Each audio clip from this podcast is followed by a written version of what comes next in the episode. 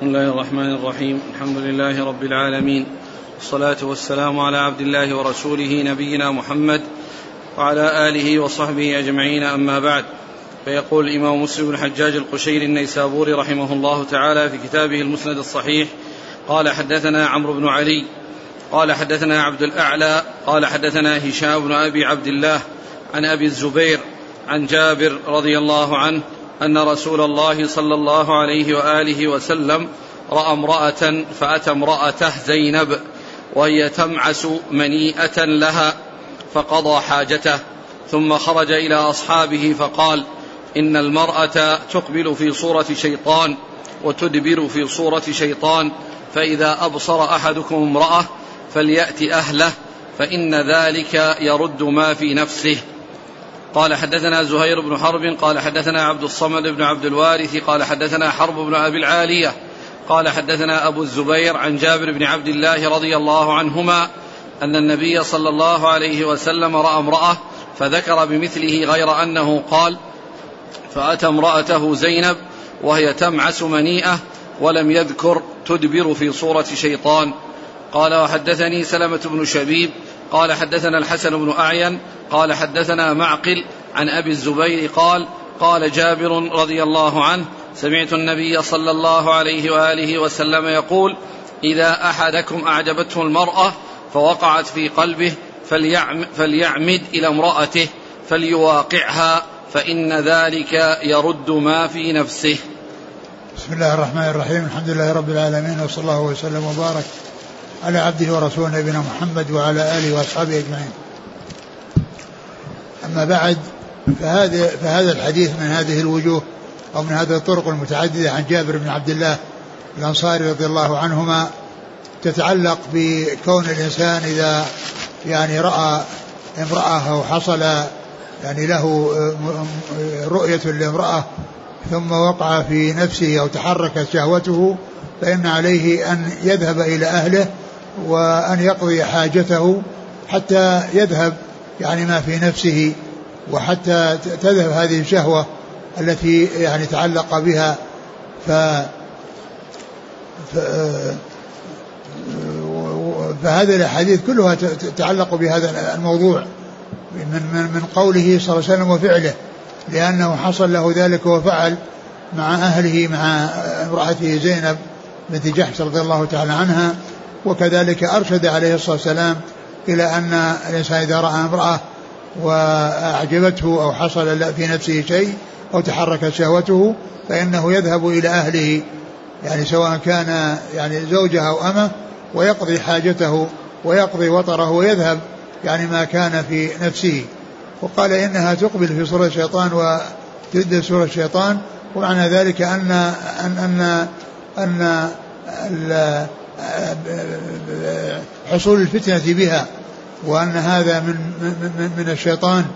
يعني فإذا حصل للإنسان أن رأى يعني شيئا أو من ذلك وتحرك شهوته فعليه أن يقضي حاجته من أهله حتى يذهب هذا الشيء الذي آه، فكر فيه أو الشيء الذي وقع في في ذهنه. نعم.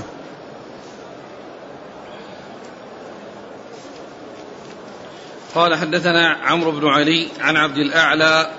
عمرو بن علي هو الفلاس وعبد الأعلى هو ابن عبد الأعلى. عن هشام بن أبي عبد الله. نعم. عن أبي الزبير. محمد بن مسلم بن تدرس. عن جابر. جابر بن عبد الله الأنصاري رضي الله تعالى عنهما. قال وهي تمعس منيئة. وهي تمعس يعني تدلك. يعني منيئة يعني المنيئة هو الجلد المدبوغ. تمعسه أي تدلكه. نعم. تقبل في صورة شيطان وتدبر في صورة شيطان. يعني نعم أنها تفتن مقبلة ومدبرة. وأن الشيطان يعني يعني يجعل يعني فيها الفتنة وافتتان الناس بها وافتتان الرجال بها. نعم. قال حدثنا زهير بن حرب عن عبد الصمد بن عبد الوارث عن حرب بن أبي العالية عن أبي الزبير. نعم. قال وحدثني سلمة بن شبيب عن الحسن بن أعين عن معقل بن عبيد الله. عن أبي الزبير. نعم. قال رحمه الله تعالى حدثنا محمد بن عبد الله بن نمير الهمداني قال حدثنا أبي ووكيع وابن بشر عن إسماعيل عن قيس قال سمعت عبد الله رضي الله عنه يقول كنا نغزو مع رسول الله صلى الله عليه وسلم ليس لنا نساء. فقلنا ألا نستقصي؟ فنهانا عن ذلك. ثم رخص لنا أن ننكح المرأة بالثوب إلى أجل. ثم قرأ عبد الله يا أيها الذين آمنوا لا تحرموا طيبات ما أحل الله لكم ولا تعتدوا. إن الله لا يحب المعتدين. قال وحدثنا عثمان بن أبي شيبة قال حدثنا جرير عن إسماعيل بن أبي خالد بهذا الإسناد مثله. وقال ثم قرأ علينا هذه الآية ولم يقل قرأ عبد الله. قال وحدثنا أبو بكر بن شيبة قال حدثنا وكيع عن إسماعيل بهذا الإسناد قال كنا نحن شباب فقلنا يا رسول الله ألا نستخصي؟ ولم يقل نغزو. ثم ذكر بعد ذلك يعني هذه الأحاديث المتعلقة بالمتعة متعة النساء وكانت يعني مباحة يعني في أول أمر جاء ذلك في غزوة خيبر وجاء ذلك في غزوة الفتح ثم بعد ذلك نسخ وصار حراما إلى يوم القيامة كما جاءت بذلك الأحاديث الصحيحة عن رسول الله عليه الصلاة والسلام والتي سيذكر المصنف جملة منها. ويعني ذكر هذا الحديث عن عبد الله بن مسعود رضي الله عنه وأنهم كانوا مع النبي صلى الله عليه وسلم في سفر وأنهم قالوا ولا نختصي فمنعهم من ذلك ورخص لهم في يعني في, في, في, في الاستمتاع بالنساء يعني النكاح المتعة يعني وهو النكاح إلى أجل يعني له مدة ينتهي إليها. ثم بعد ذلك قال آه، لا تحرموا. يا أيها الذين آمنوا لا تحرموا طيبات ما أحل الله لكم. لا تحرموا طيبات ما أحل الله لكم. وهذا يعني فيه ذكر أنه قد حصل ذلك ولكنه ما فيه يعني شيء يدل على النسخ.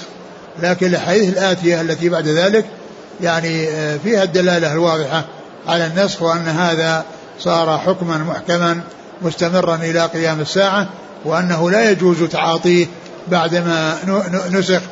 وفي الوقت الذي كان مباحا فيه هو مباح وبعدما نسخ زال ذلك الحكم. ثم أيضا يعني هذا يعني هذا الاستمتاع يعني اللي هو نكاح المتعة ما جاء إلا في أسفار ما جاء في حال الإقامة وإنما كل الأحاديث التي وردت أنهم كانوا في أسفار. وهذا يدل على أن أن أن هذا يعني حصل لأمر طارئ وأنه بعد ذلك نسخ ولم يكن ولم يأتي في شيء منها أن ذلك في حال حال حال الإقامة وحال الحضر وإنما كل ذلك جاء في حال السفر. نعم.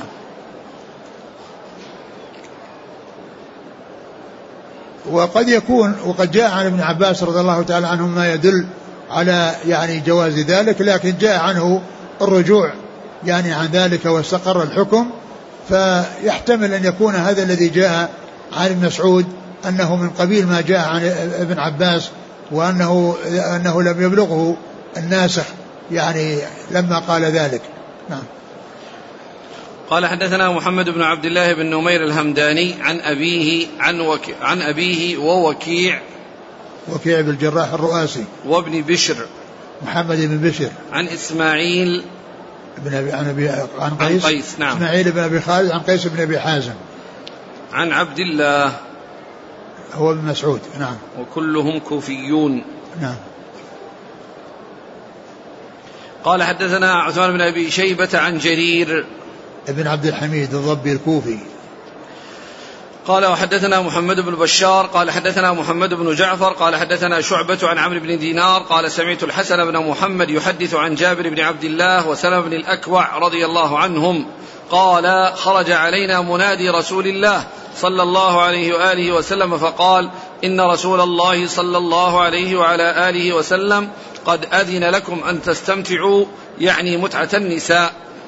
قال وحدثني أمية بن بسطام العيشي قال حدثنا يزيد يعني بن زريع قال حدثنا روح يعني بن القاسم عن عمرو بن دينار عن الحسن بن محمد عن سلم بن الأكوع وجابر بن عبد الله أن رسول الله صلى الله عليه وسلم أتانا فأذن لنا في المتعة. قال وحدثنا الحسن بن الحلواني قال حدثنا عبد الرزاق قال أخبرنا ابن جريج قال قال عطاء قدم جابر بن عبد الله معتمرا. فجئناه في منزله فساله القوم عن أشياء ثم ذكروا المتعة فقال نعم استمتعنا على عهد رسول الله صلى الله عليه وسلم وأبي بكر وعمر.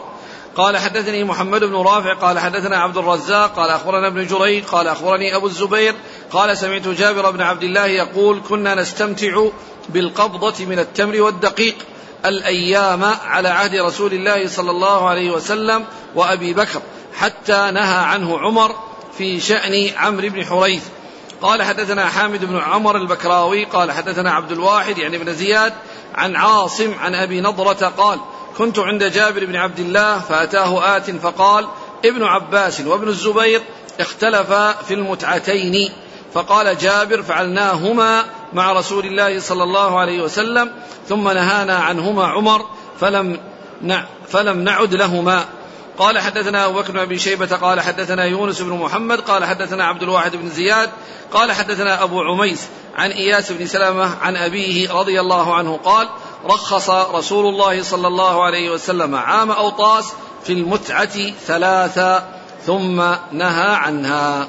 ثم ذكر هذه الأحاديث عن سلمة الأكوع وعن جابر بن عبد الله الأنصاري رضي الله تعالى عنهما وفيهما الإذن بالمتعة وأن الرسول صلى الله عليه وسلم قد أذن بذلك وهذا يعني يفيد أن هذا ترخيص وأنه حصل يعني شيء مؤقت ثم بعد ذلك يعني جاء ما يدل على المنع.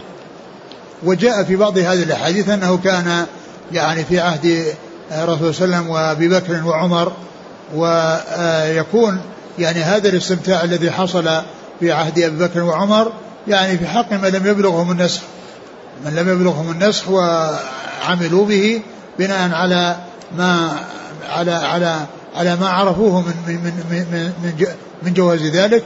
لكن جاءت الأحاديث الصريحة الواضحة الجلية في يعني في منعه و وعمر رضي الله عنه وأرضاه أظهر هذا وبينه وجاء سيأتي في الأحاديث بعد ذلك فيه ذكر الناسخ والمنسوخ وأن الرسول صلى الله عليه وسلم قال كنت أذنت لكم ف ثم بين أنه أن أن ذلك لا يسوق وأنه يمنعه من ذلك وأنه حرام إلى يوم القيامة.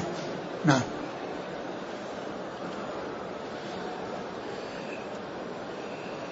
هنا قال اختلف ابن عباس وابن الزبير في المتعتين. يعني متعة الحج ومتعة النساء. متعة الحج ومتعة النساء. قال فعل قال جابر فعلناهما. نعم مع رسول الله صلى الله عليه وسلم. نعم. ثم نهانا عنهما عمر فلم نعد لهما. نعم. يعني عمر رضي الله عنه يعني كان يعني عنده يعني في جاء عنه النهي عن المتعتين. أو آه، متعة النساء هذه آه، الأمر فيها واضح.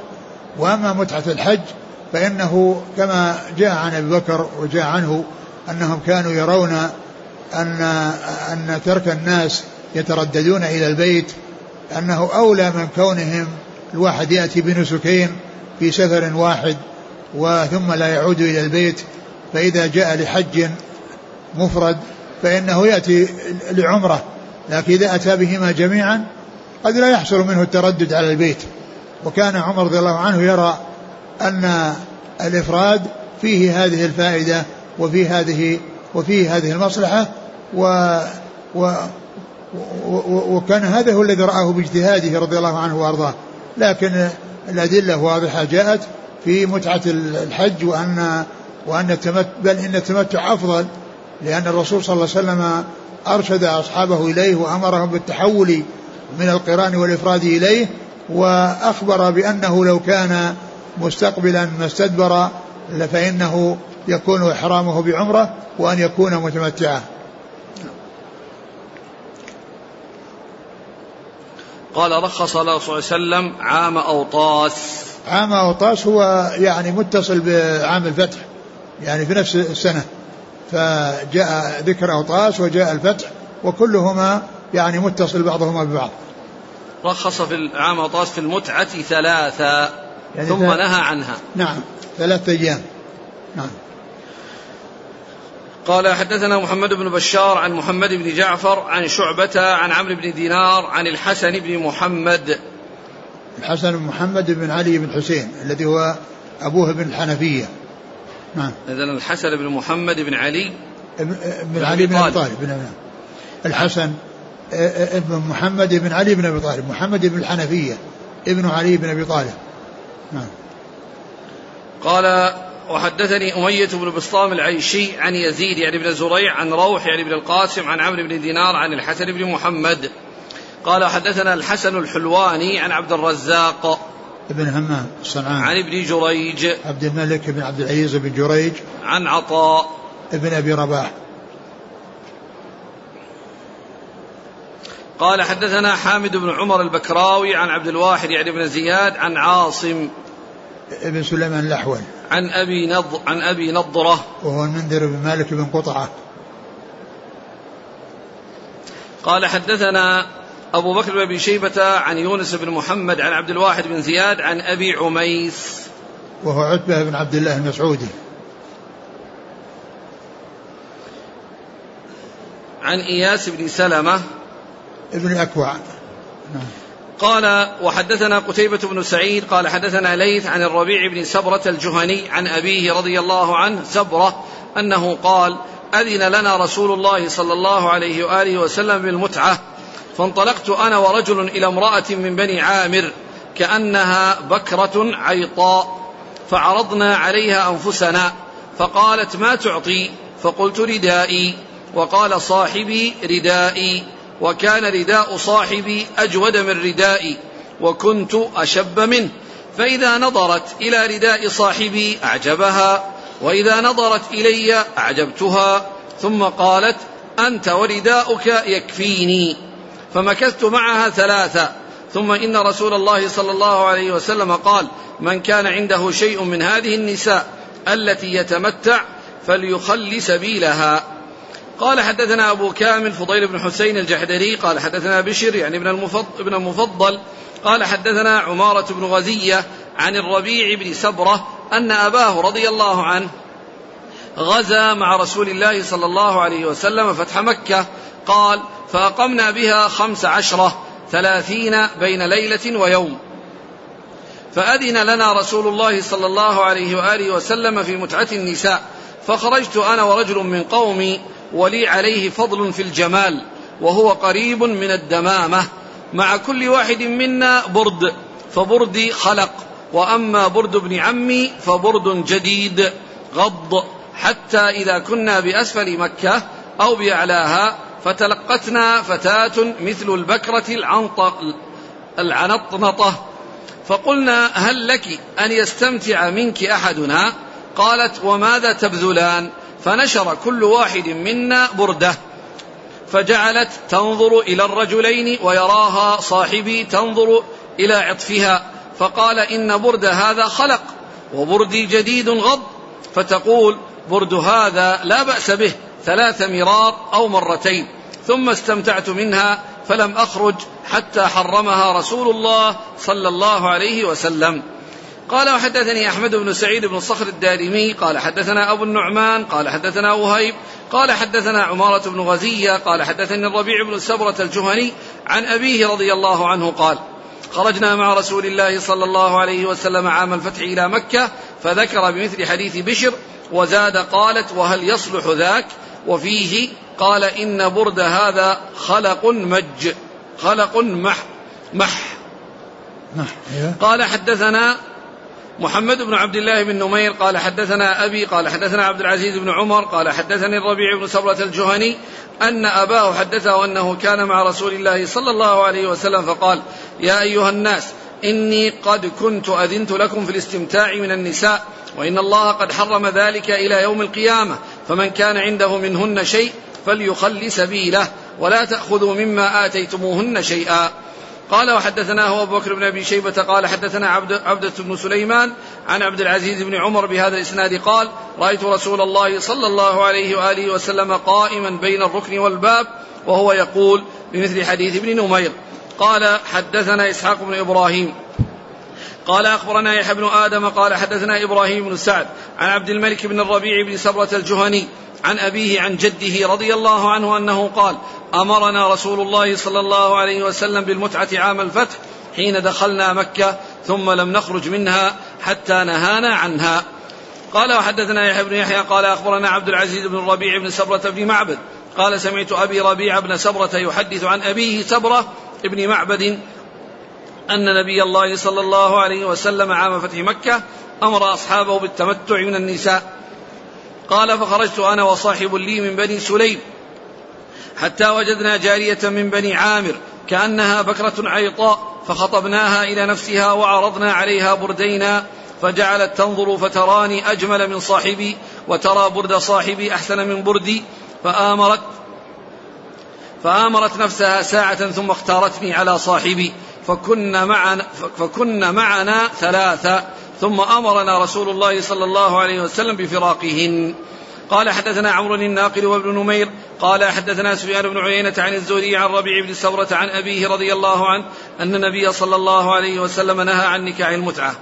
قال وحدثنا أبو بكر بن أبي شيبة قال حدثنا ابن علية عن معمر عن الزهري عن الربيع بن سورة عن أبيه أن رسول الله صلى الله عليه وسلم نهى يوم الفتح عن متعة النساء.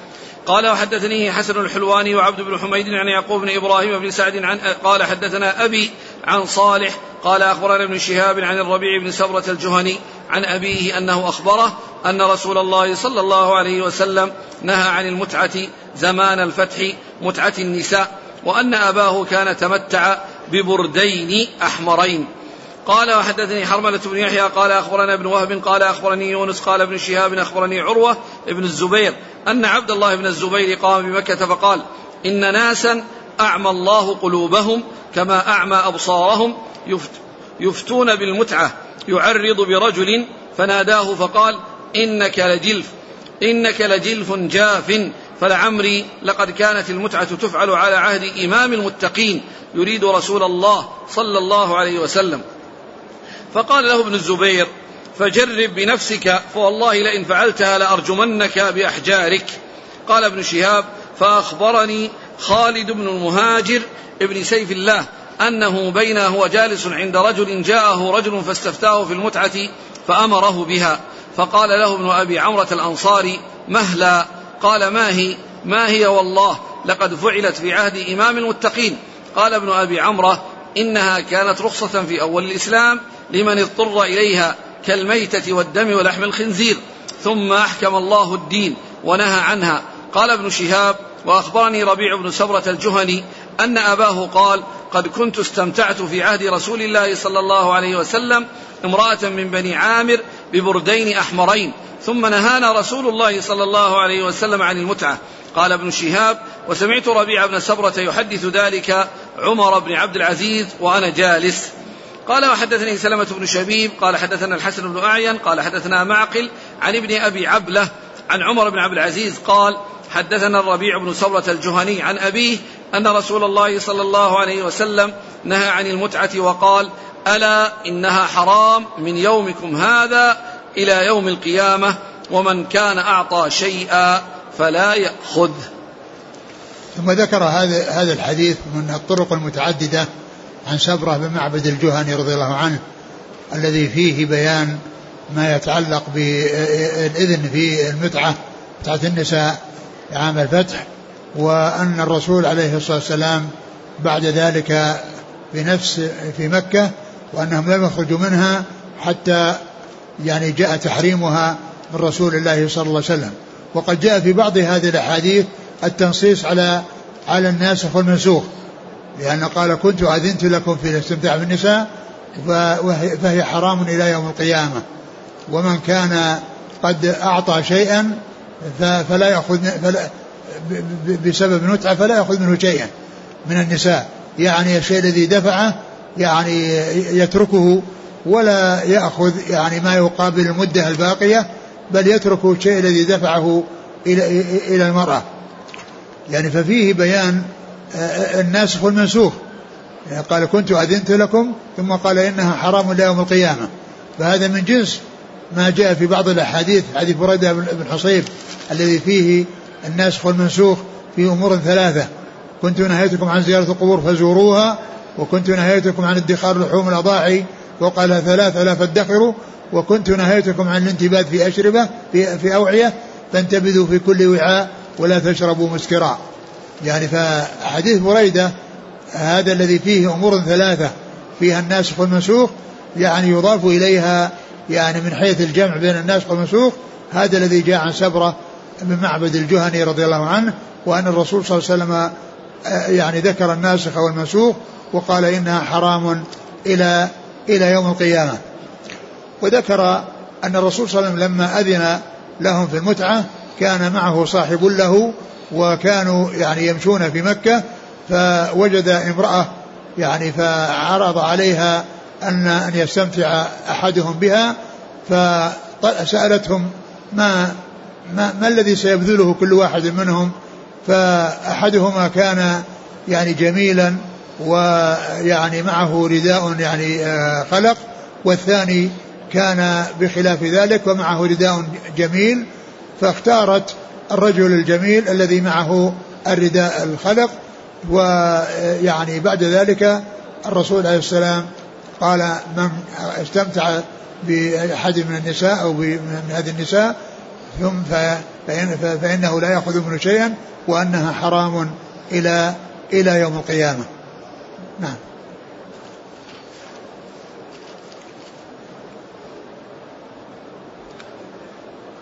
كأنها بكرة عيطاء يعني إنها جميلة يعني شكلها ويعني هيئتها ويعني عنقها ويعني يعني منظرها في في غاية غاية الجمال مثل البكرة التي هي الشابة الفتية من الإبل التي يعني فيها يعني حسن منظر نعم قال فبرد جديد غض؟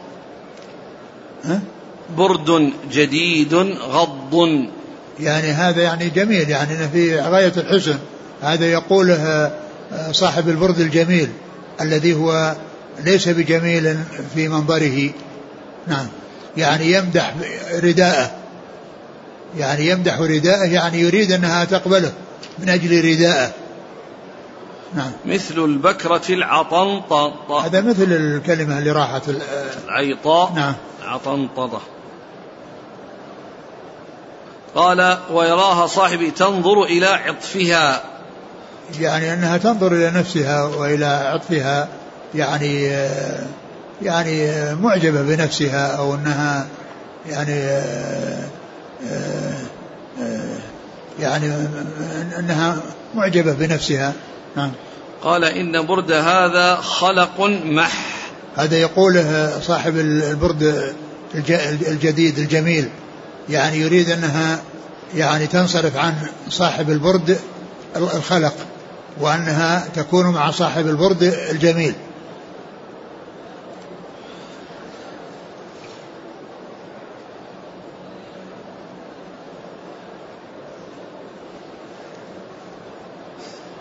فآمرت نفسها ساعة. يعني فكرت يعني فكرت يعني جاءت تفكر أيهما تختار.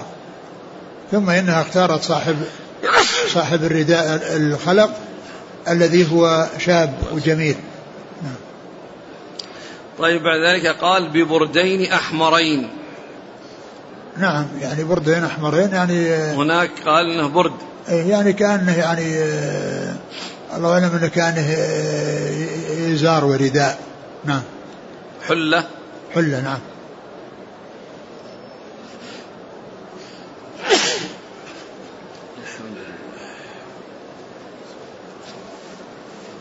طيب قصة عبد الله بن الزبير قام فقال إن ناسا أعمى الله قلوبهم كما أعمى أبصارهم يفتون بالمتعة يعرض برجل فناداه فقال إنك لجلف جاف. وبعده كمل. قال فلعمري لقد كانت المتعة تفعل على عهد إمام المتقين. يعني هذا الذي يعني كان يعرض به يعني قال له إنك لج... لجلف جاف. جاف. يعني في في كلامك وأن المتعة أنها باحها رسول الله عليه الصلاة والسلام وهو إمام المتقين. وهذا يعني محمول على ما كان في أول الأمر. نعم. لكن كلام النووي مقبول أن هذا الرجل ابن عباس؟ يعني الله أعلم. يعني يبدو والله أعلم لعله غير ابن عباس. لعله غير ابن عباس. هذا الكلام الذي قال في هذا الكلام والذي قال أعمى الله أبصارهم. نعم. فلعمري نعم. فلعمري لقد كانت المتعة تفعل. لعمري. نعم. هذه لعمري هي من الكلمات المؤكدة التي فيها تأكيد الكلام وليست من القسم. ليست من القسم لعمري جاءت في كلام الرسول صلى الله عليه وسلم وجاءت يعني في كلام الصحابة مثل هنا كلام لعمري الذي قاله ابن الزبير. نعم. نعم. وكذلك جاء عن عائشة في مسألة السعي. لا قالها شو اسمه هذا الرجل الذي رد على ابن الزبير. فقال إنك لجلف جاف العمري لقد كانت المتعة تفعل نعم على نعم, نعم نعم. لا هو جاءت أيضا في كلام الصحابة في كلام في عائشة. جاء في حديث الرسول صلى الله عليه وسلم في قصة في قصة ال ال الغنم التي يعني أخذها أبو سعيد ومن معه بعدما قرأوا على الرجل الذي أصابه ما أصابه ثم قال لعمري لمن أكل برقية حقا باطلا لقد أكلت برقية حقا. هذا قال كلام الرسول صلى الله عليه وسلم هو الذي قال لعمري. وكذلك عائشة قالت لعمري ما أتم, ما أتم الله عمرة من لم يسعى بين الصفا والمروة. نعم قال له ابن الزبير فجرب بنفسك فوالله لئن فعلتها لأرجمنك بأحجارك. نعم يقوله لهذا الذي قال له إنك جلد جاف جلف جافي يعني معناه إنه يرميه بالحجارة لأنه يصير معناه إنه محصن. نعم. قال فأخبرني خالد بن المهاجر بن سيف الله أنه بين هو جالس عند رجل جاءه رجل فاستفتاه في المتعة فأمره بها. فقال له ابن أبي عمرة الأنصاري مهلا. قال ما هي؟ والله لقد فعلت في عهد إمام المتقين. قال ابن أبي عمرة إنها كانت رخصة في أول الإسلام لمن اضطر إليها كالميتة والدم ولحم الخنزير. ثم وهي كما هو معلوم ليس في أول الإسلام فقط بل جاءت في, في آخر الإسلام في عام الفتح. عام الفتح يعني في السنة الثامنة. ما بعد ما بعد ذلك إلا سنتان. وتوفي رسول الله عليه الصلاة والسلام. نعم. قال كانت رخصة في أول الإسلام لمن اضطر إليها كالميتة والدم ولحم الخنزير. نعم يعني معنى أنها للحاجة. يعني ولهذا ما جاءت إلا في أسفار. ما جاءت في الحضر. نعم. يعني في الأسفار التي ما عندن ما مع ليس معهم نساءهم نعم. ثم أحكم الله الدين ونهى عنها. نعم. قال حدثنا قتيبة بن سعيد عن ليث بن سعد. عن الربيع بن سورة الجهني عن أبيه. نعم. قال حدثنا أبو كامل فضيل بن حسين الجحدري عن بشر بن مفضل عن عمارة بن غزية. نعم. قال حدثني أحمد بن سعيد بن صخر الدارمي عن أبي النعمان. وهو محمد بن الفضل. السدوسي الملقب نعم. عارم نعم. وهيب عن وهيب. ابن خالد. عن عمر بن غزية. قال حدثنا محمد بن عبد الله بن نمير عن أبيه عن عبد العزيز بن عمر. نعم. عن الربيع بن سبرة. قال وحدثناه أبو بكر بن أبي شيبة عن عبد بن سليمان عن عبد العزيز بن عمر. قال حدثنا إسحاق بن إبراهيم عن يحيى بن آدم عن إبراهيم بن سعد. نعم. عن عبد الملك بن الربيع بن سبرة. نعم. قال عن أبيه عن جده. نعم. قال وحدثنا يحيى بن يحيى عن عبد الربيع عن عبد العزيز ابن الربيع بن سبرة نعم. صار أخوان عبد الملك وعبد العزيز. نعم. قال حدثنا أبو بكر بن شيبة عن ابن علية. وهو إسماعيل بن إبراهيم بن مقسم الأسدي. عن معمر بن راشد. قال وحدثنيه حسن الحلواني وعبد بن حميد عن يعقوب بن إبراهيم بن سعد عن أبيه عن صالح. بن كيسان. قال ابن شهاب فأخبرني خالد ابن المهاجر ابن سيف الله. يعني ابن خالد بن وليد يعني سيف الله وخالد بن وليد يعني خالد بن المهاجر بن خالد بن وليد نعم. قال وحدثني سلمة بن شبيب عن الحسن بن أعين عن معقل عن ابن أبي عبلة. معقل بن عبد الله وابن أبي عبلة وإبراهيم. عن عمر بن عبد العزيز عن الربيع بن سبرة. نعم. قال حدثنا يحيى بن يحيى قال قرأت على مالك عن ابن شهاب عن عبد الله والحسن ابني محمد بن علي عن أبيهما عن علي بن أبي طالب رضي الله عنه أن رسول الله صلى الله عليه وسلم نهى عن متعة النساء يوم خيبر. وعن أكل لحوم الحمر الإنسية. قال حدثناه عبد الله بن محمد بن أسماء الضبعي. قال حدثنا جويرية عن مالك بهذا الإسناد. وقال سمع علي بن أبي طالب يقول لفلان إنك رجل تائه. نهانا رسول الله صلى الله عليه وسلم بمثل حديث يحيى بن يحيى عن مالك. قال حدثنا أبو بكر بن أبي شيبة وابن نمير وزهير بن حرب جميعا عن ابن عيينة. قال زهير حدثنا سفيان بن عيينة عن الزهري عن الحسن وعبد الله ابني محمد بن علي عن أبيهما عن علي أن النبي صلى الله عليه وسلم نهى عن نكاح المتعة يوم خيبر وعن لحوم الحمر الأهلية. ليش؟ ق... نعم. نعم. نهى عن نكاح المتعة يوم خيبر وعن لحوم الحمر الأهلية. نعم. قال وحدثنا محمد بن عبد الله بن نمير قال حدثنا أبي قال حدثنا عبيد الله عن ابن شهاب عن الحسن وعبد الله بن محمد بن علي عن أبيهما عن علي أنه سمع ابن عباس يلين في متعة النساء فقال مهلا يا ابن عباس؟ فإن رسول الله صلى الله عليه وسلم نهى عنها يوم خيبر وعن لحوم الحمر الإنسية. قال حدثني أبو الطاهر وحرملة بن يحيى قال أخبرنا ابن وهب قال أخبرني يونس عن ابن شهاب عن الحسن وعبد الله ابني محمد بن علي بن أبي طالب عن أبيهما أنه سمع علي بن أبي طالب يقول لابن عباس نهى رسول الله صلى الله عليه وسلم عن متعة النساء يوم خيبر وعن أكل لحوم الحمل الإنسية. ثم ذكر هذا الحديث عن علي بن أبي طالب رضي الله عنه من طرق متعددة وهو يتعلق ب يعني بالنهي عن المتعة في عام عام خيبر. وقد جاء في بعض الروايات ان أن أنها أبيحت في عام خيبر ثم ونسخت ثم بعد ذلك أبيحت في عام الفتح ونسخت واستقر نسخها بعد الفتح إلى يوم القيامة كما مر في بعض الطرق عن سبرة بن معبد الجهني رضي الله عنه. وهذا هذه الأحاديث هذه الطرق المتعددة عن ابن عب عن عن عن علي بن أبي طالب رضي الله عنه كلها تتعلق بخيبر وأن الرسول صلى الله عليه وسلم نهى عن متعة النساء وعن لحوم الحمر الإنسية أو الأهلية التي هي يقابلها حمر الوحش المتوحشة التي هي التي هي من الصيد. فيعني الحمر الأهلية التي عند الناس والتي يعني معهم وقد يعني ألفوها وألفتهم هذه هذه حرام. يعني حرمت عام خيبر. وبقي تحريمها مستمرا. نعم.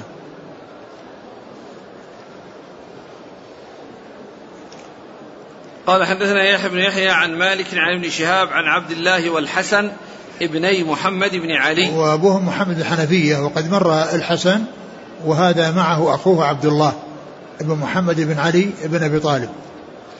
قال وحدثناه عبد الله بن محمد بن أسماء الضبعي عن جويرية. جويرية بن أسماء. قال حدثنا محمد بن عبد الله بن نمير عن أبيه عن عبيد الله.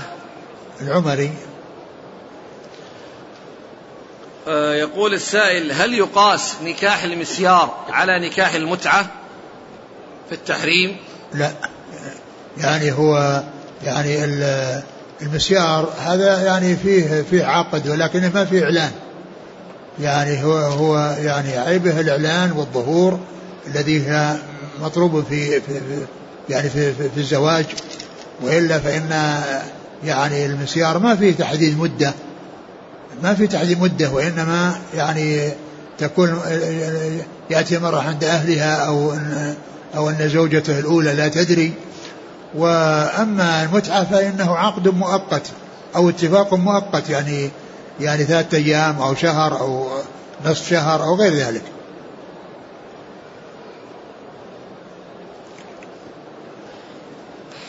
قال رحمه الله تعالى حدثنا عبد الله بن مسلمة القعنبي قال, حدثنا مالك عن أبي الزناد عن الأعرج عن أبي هريرة رضي الله عنه أنه قال قال رسول الله صلى الله عليه وسلم لا يجمع بين المرأة وعمتها ولا بين المرأة وخالتها. قال وحدثنا محمد بن رمح بن المهاجر قال أخبرنا الليث عن يزيد بن أبي حبيب عن عراك بن مالك عن أبي هريرة أن رسول الله صلى الله عليه وآله وسلم نهى عن أربع نسوة أن يجمع بينهن المرأة وعمتها والمرأة وخالتها. قال حدثنا عبد الله بن مسلمة بن قعنب قال حدثنا عبد الرحمن بن عبد العزيز قال ابن مسلمة مدني من الأنصار من ولد أبي أمامة بن سهل بن حنيف عن ابن شهاب عن قبيص بن ذؤيب رضي الله عنه عن أبي هريرة رضي الله عنه.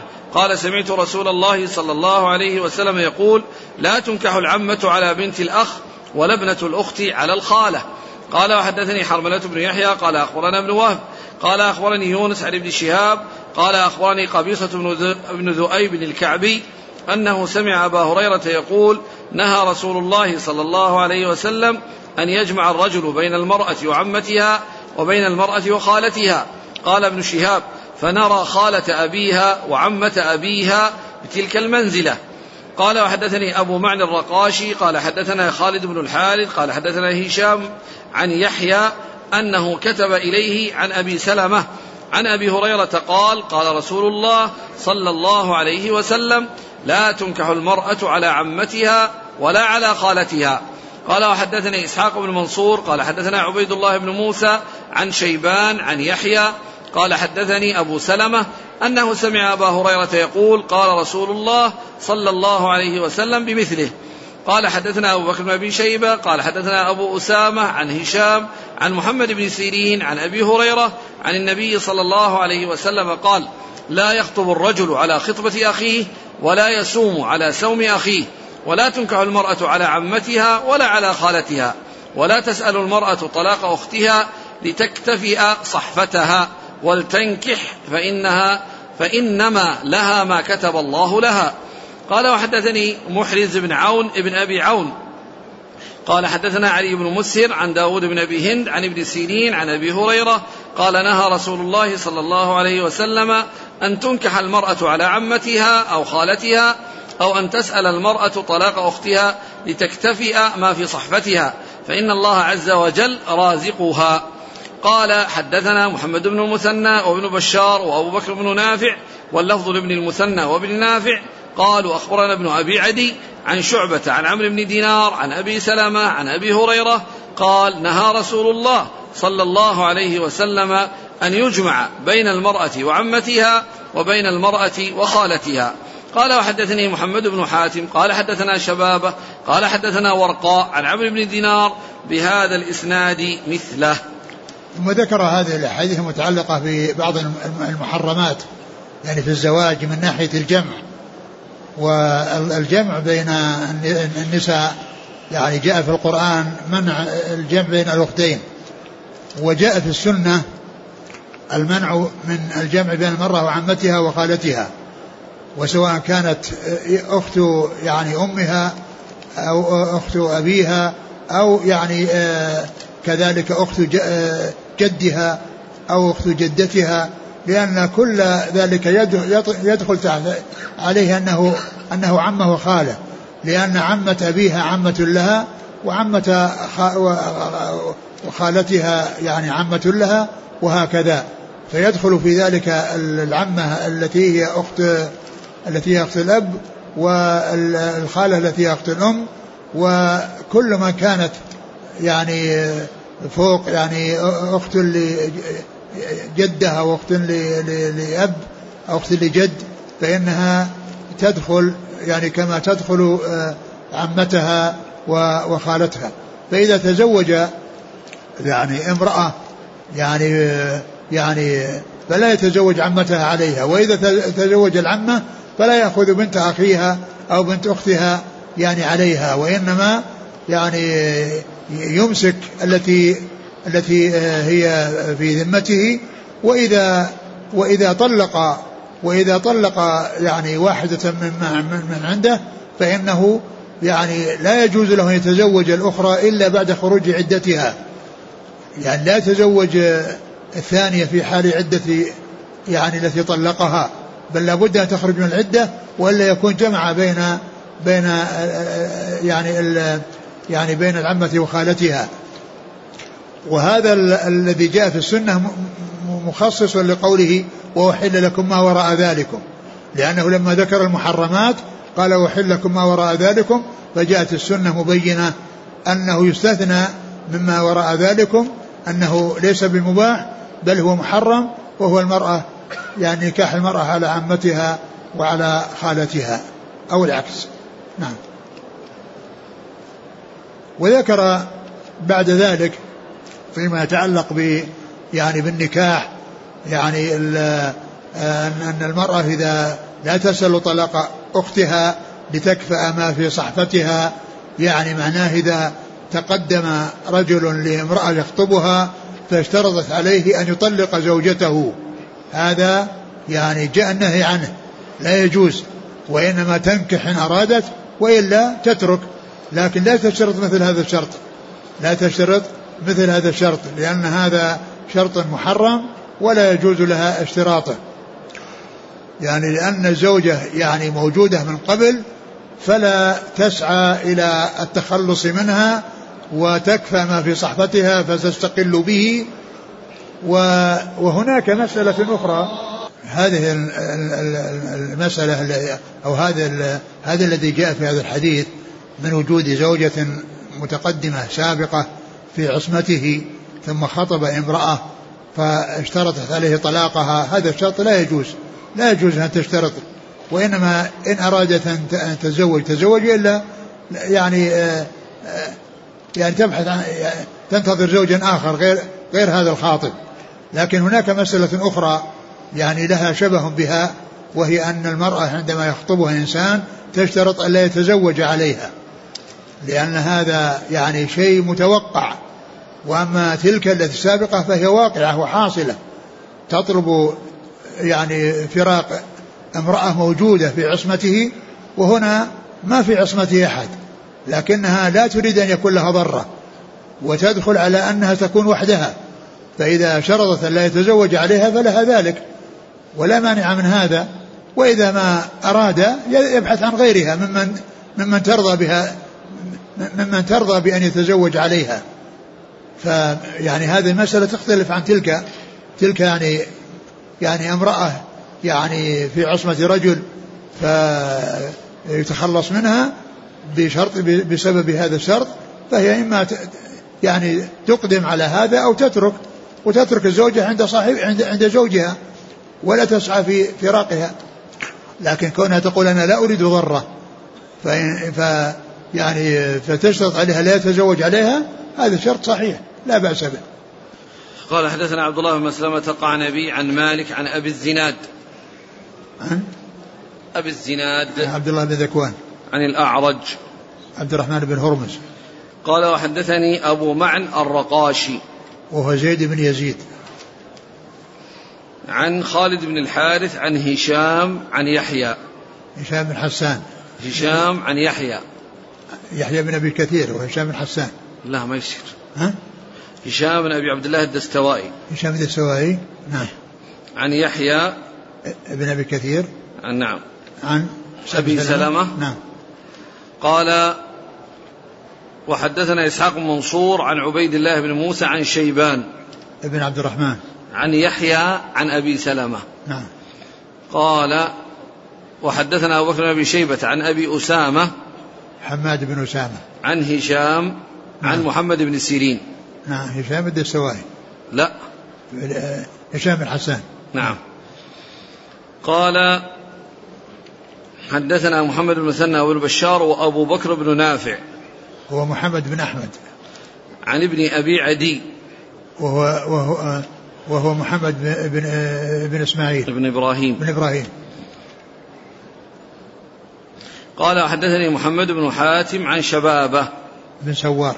عن ورقاء ابن ابن عمر اليشكري عمر اليشكري نعم.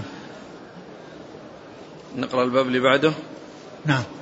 قال رحمه الله تعالى حدثنا يحيى بن يحيى قال قرأت على مالك عن نافع عن نبيه بن وهب أن عمر بن عبيد الله أراد أن يزوج طلحة بن طلحة بن عمر بنت شيبة بن جبير. فأرسل إلى أبان بن عثمان يحضر ذلك وهو أمير الحج.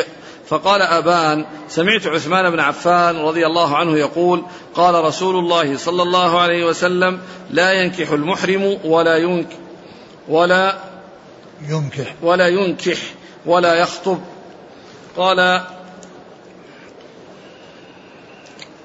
والله تعالى أعلم وصلى الله وسلم وبارك على عبده ورسوله نبينا محمد وعلى آله وأصحابه أجمعين.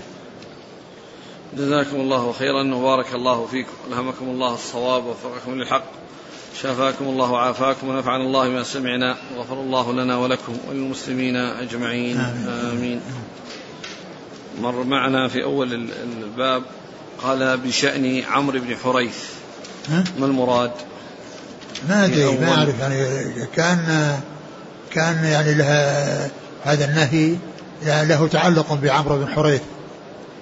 ما ما يعني رأيت يعني يعني وجه أو الشيء الذي يتعلق ب يعني هذا السبب الذي آه، أشير إليه.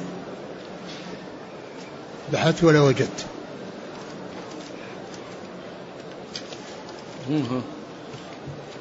نهى عمر في شأن عمرو بن حريث. نكاح المتعة أوله واحد اثنين ثلاثة أربعة خمسة ستة سبعة. السابع من أول الباب. يقول هل كان كانت المتعة بدون ولي للمرأة؟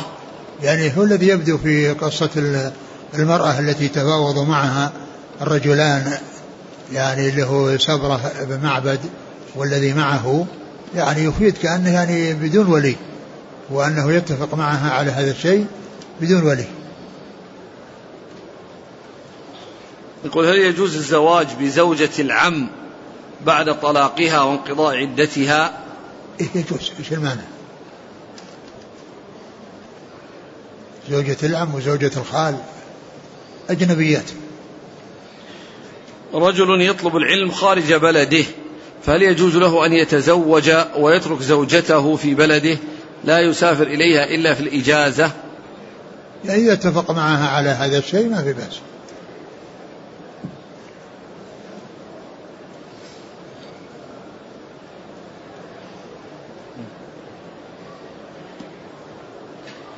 الشيخ محمد علي آدم في شأن عمرو بن حريث نعم آه قصته أخرجها عبد الرزاق آه. قال عبد الرزاق عن ابن جريج قال أخبرني أبو الزبير أنه سمع جابر بن عبد الله يقول قدم عمرو بن حريث من الكوفة آه. فاستمتع بمولاه بمولاة فأتي بها عمر وهي حبلى فسألها فقالت استمتع بي عمرو بن حريث. فسأله فأخبره بذلك أمرا ظاهرا. قال فهلا غيرها فذلك حين نهى عنها. وقال القرطبي وكان شأن وكان شأن عمرو بن حريث أنه تزوج امرأة نكاح المتعة وأنه استمر عليها إلى زمان خلافة عمر لأنه لم يسمع الناسخ فحملت منه.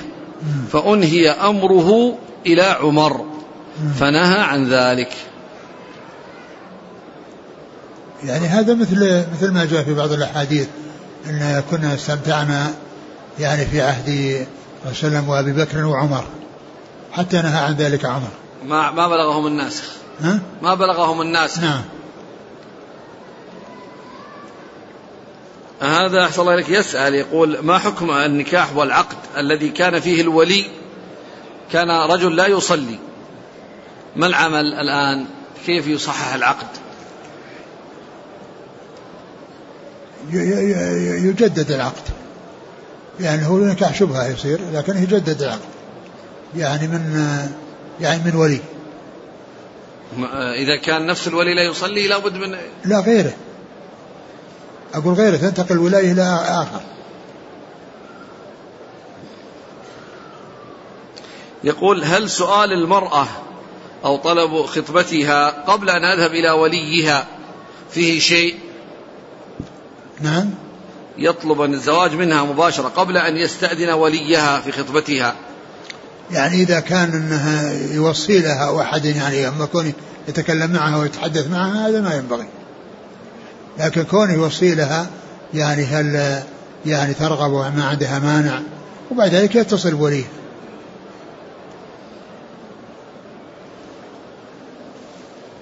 يقول ما حكم النكاح بنية الطلاق دون أن يكتب في العقد؟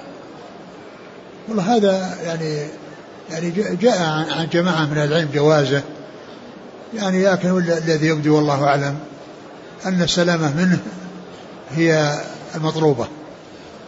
لأن هذا الإنسان لا يرضاه لبنته ولا لأخته ولا لقريبته فيعامل الناس مثل ما يحب أن يعاملوه به. يقول آه، إذا المرأة اشترطت على الزوج الآن أن لا أن أن يطلق زوجته الأولى فهل له أن يقبل ذلك ظاهرا؟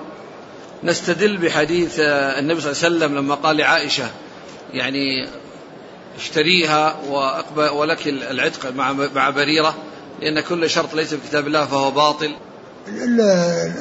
المناسب في في هذا المناسب في هذا أنه يعني يعني يعني لا يقدم على هذا الشرط اما لا تقدم على هذا الشرط إما يعني ان أن ترضى به وإما أن تعتذر. لا هو الآن بالنسبة له هو. السؤال؟